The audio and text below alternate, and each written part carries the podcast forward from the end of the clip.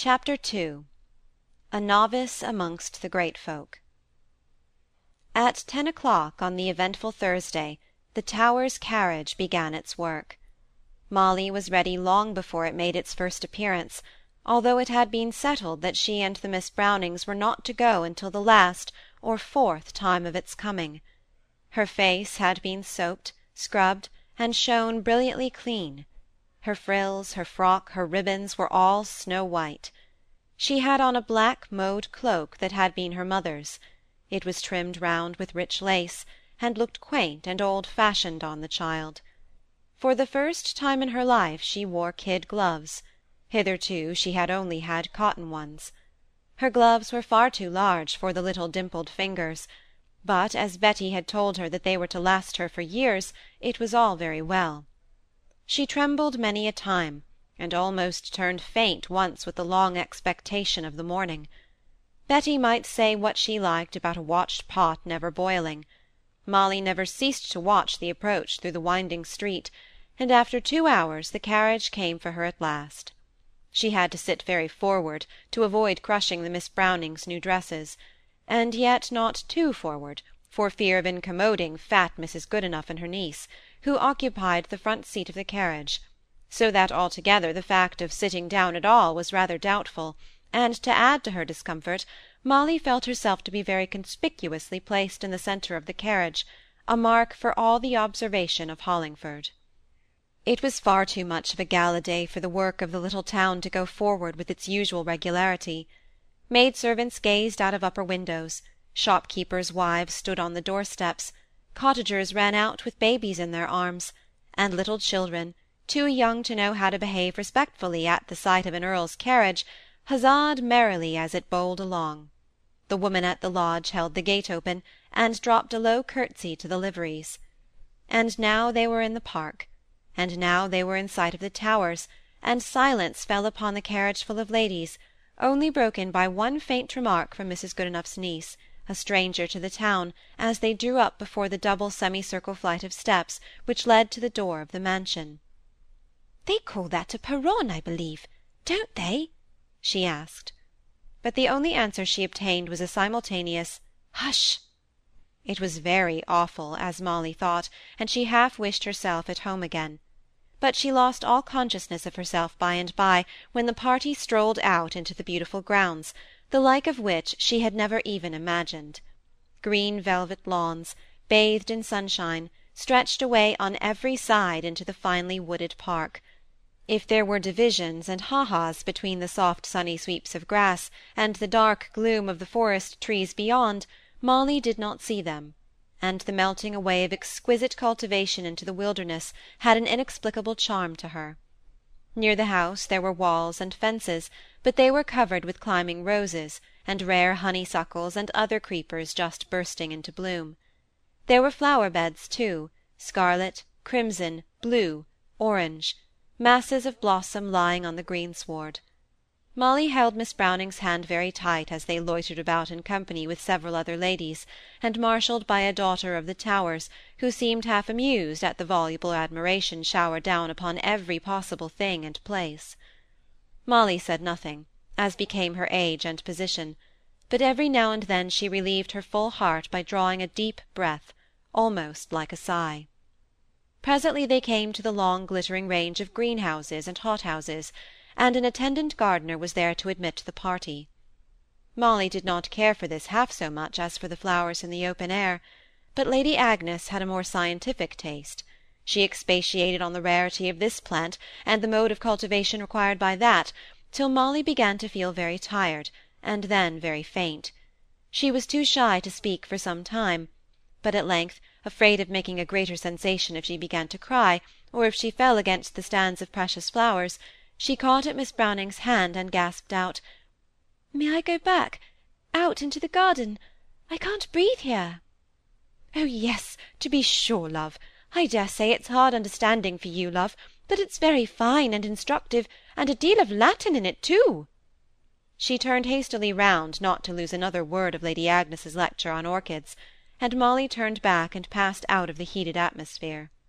She felt better in the fresh air and unobserved and at liberty, went from one lovely spot to another, now in the open park, now in some shut-in flower-garden, where the song of the birds and the drip of the central fountain were the only sounds, and the tree-tops made an enclosing circle in the blue June sky. She went along without more thought as to her whereabouts than a butterfly has as it skims from flower to flower, till at length she grew very weary, and wished to return to the house, but did not know how, and felt afraid of encountering all the strangers who would be there, unprotected by either of the Miss Brownings. The hot sun told upon her head, and it began to ache. She saw a great wide-spreading cedar-tree upon a burst of lawn towards which she was advancing, and the black repose beneath its branches lured her thither. There was a rustic seat in the shadow, and weary Molly sat down there, and presently fell asleep. She was started from her slumbers after a time, and jumped to her feet. Two ladies were standing by her, talking about her. They were perfect strangers to her, and with a vague conviction that she had done something wrong, and also because she was worn out with hunger, fatigue, and the morning's excitement, she began to cry. Poor little woman! She has lost herself. She belongs to some of the people from Hollingford, I have no doubt," said the oldest looking of the two ladies. She appeared to be about forty, though she did not really number more than thirty years. She was plain-featured, and had a rather severe expression on her face. Her dress was as rich as any morning dress could be, her voice deep and unmodulated, what in a lower rank of life would have been called gruff but that was not a word to apply to Lady Cuxhaven, the eldest daughter of the Earl and Countess. The other lady looked much younger, but she was in fact some years elder. At first sight Molly thought she was the most beautiful person she had ever seen, and she was certainly a very lovely woman. Her voice, too, was soft and plaintive as she replied to Lady Cuxhaven. Poor little darling! She is overcome by the heat, I have no doubt. Such a heavy straw bonnet, too. Let me untie it for you, my dear. Molly now found voice to say, I am Molly Gibson, please. I came here with Miss Brownings. For her great fear was that she should be taken for an unauthorized intruder. Miss Brownings? said Lady Cuxhaven to her companion, as if inquiringly.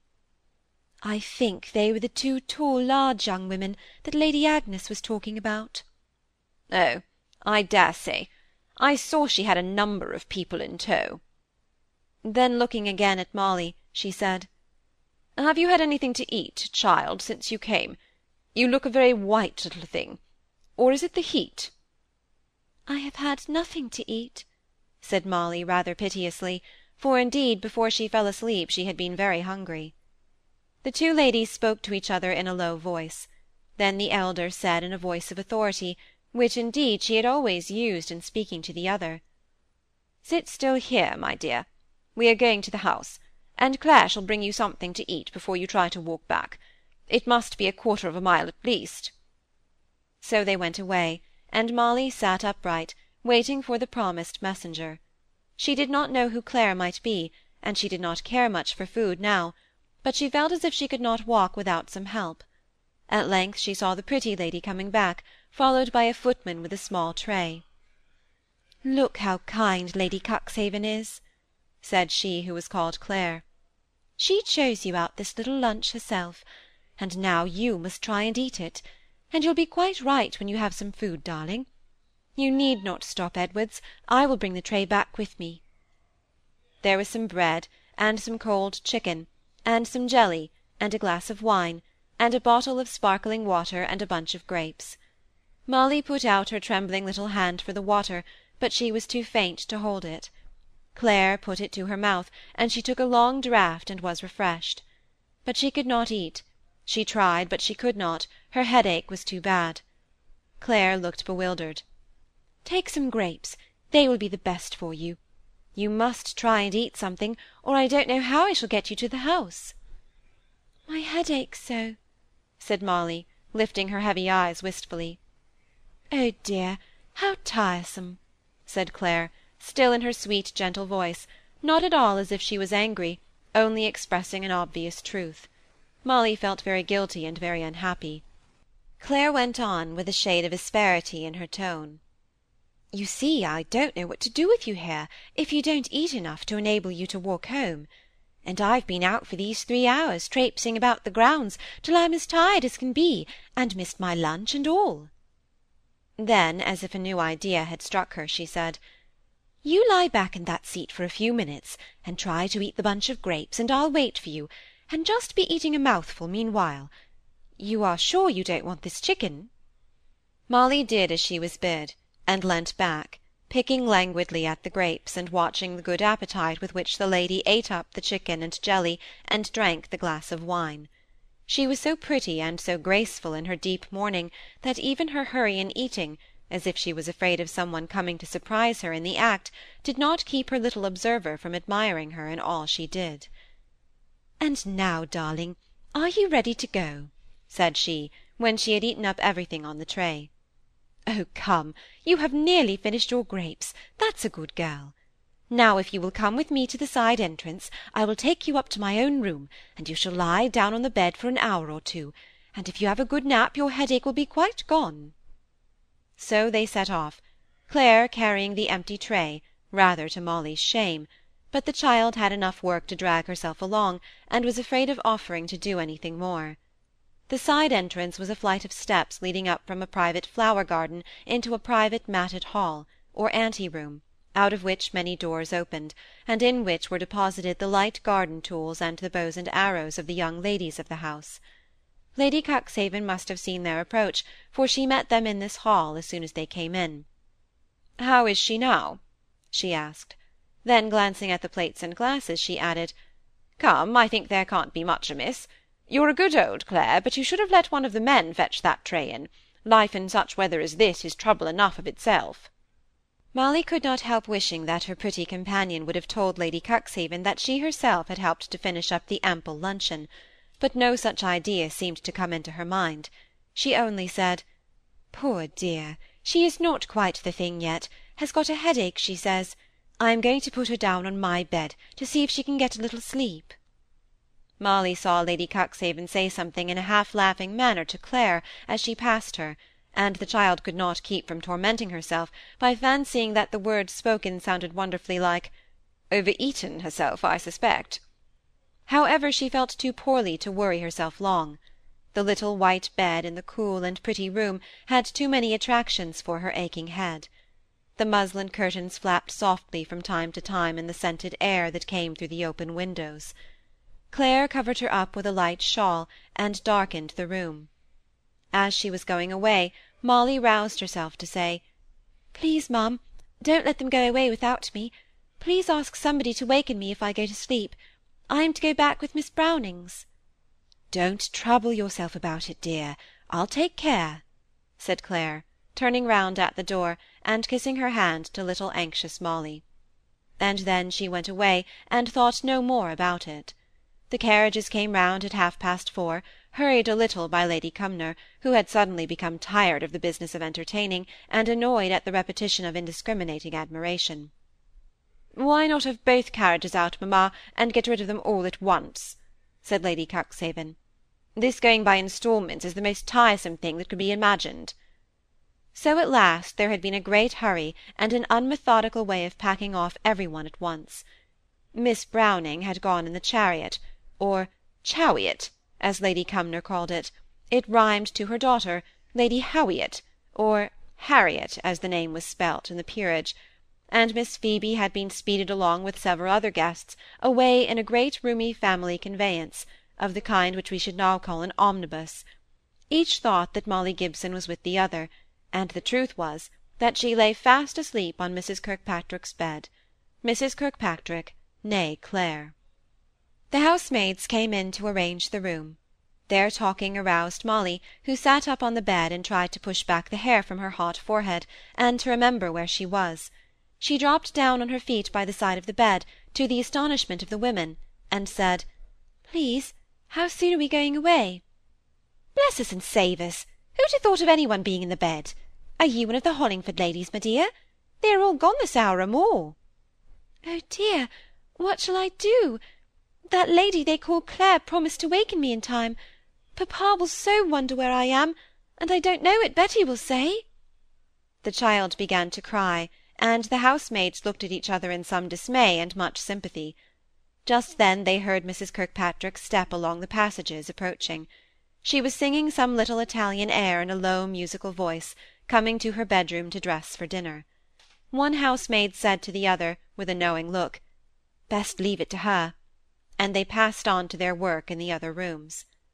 Mrs. Kirkpatrick opened the door, and stood aghast at the sight of Molly. "Why, I quite forgot you," she said at length.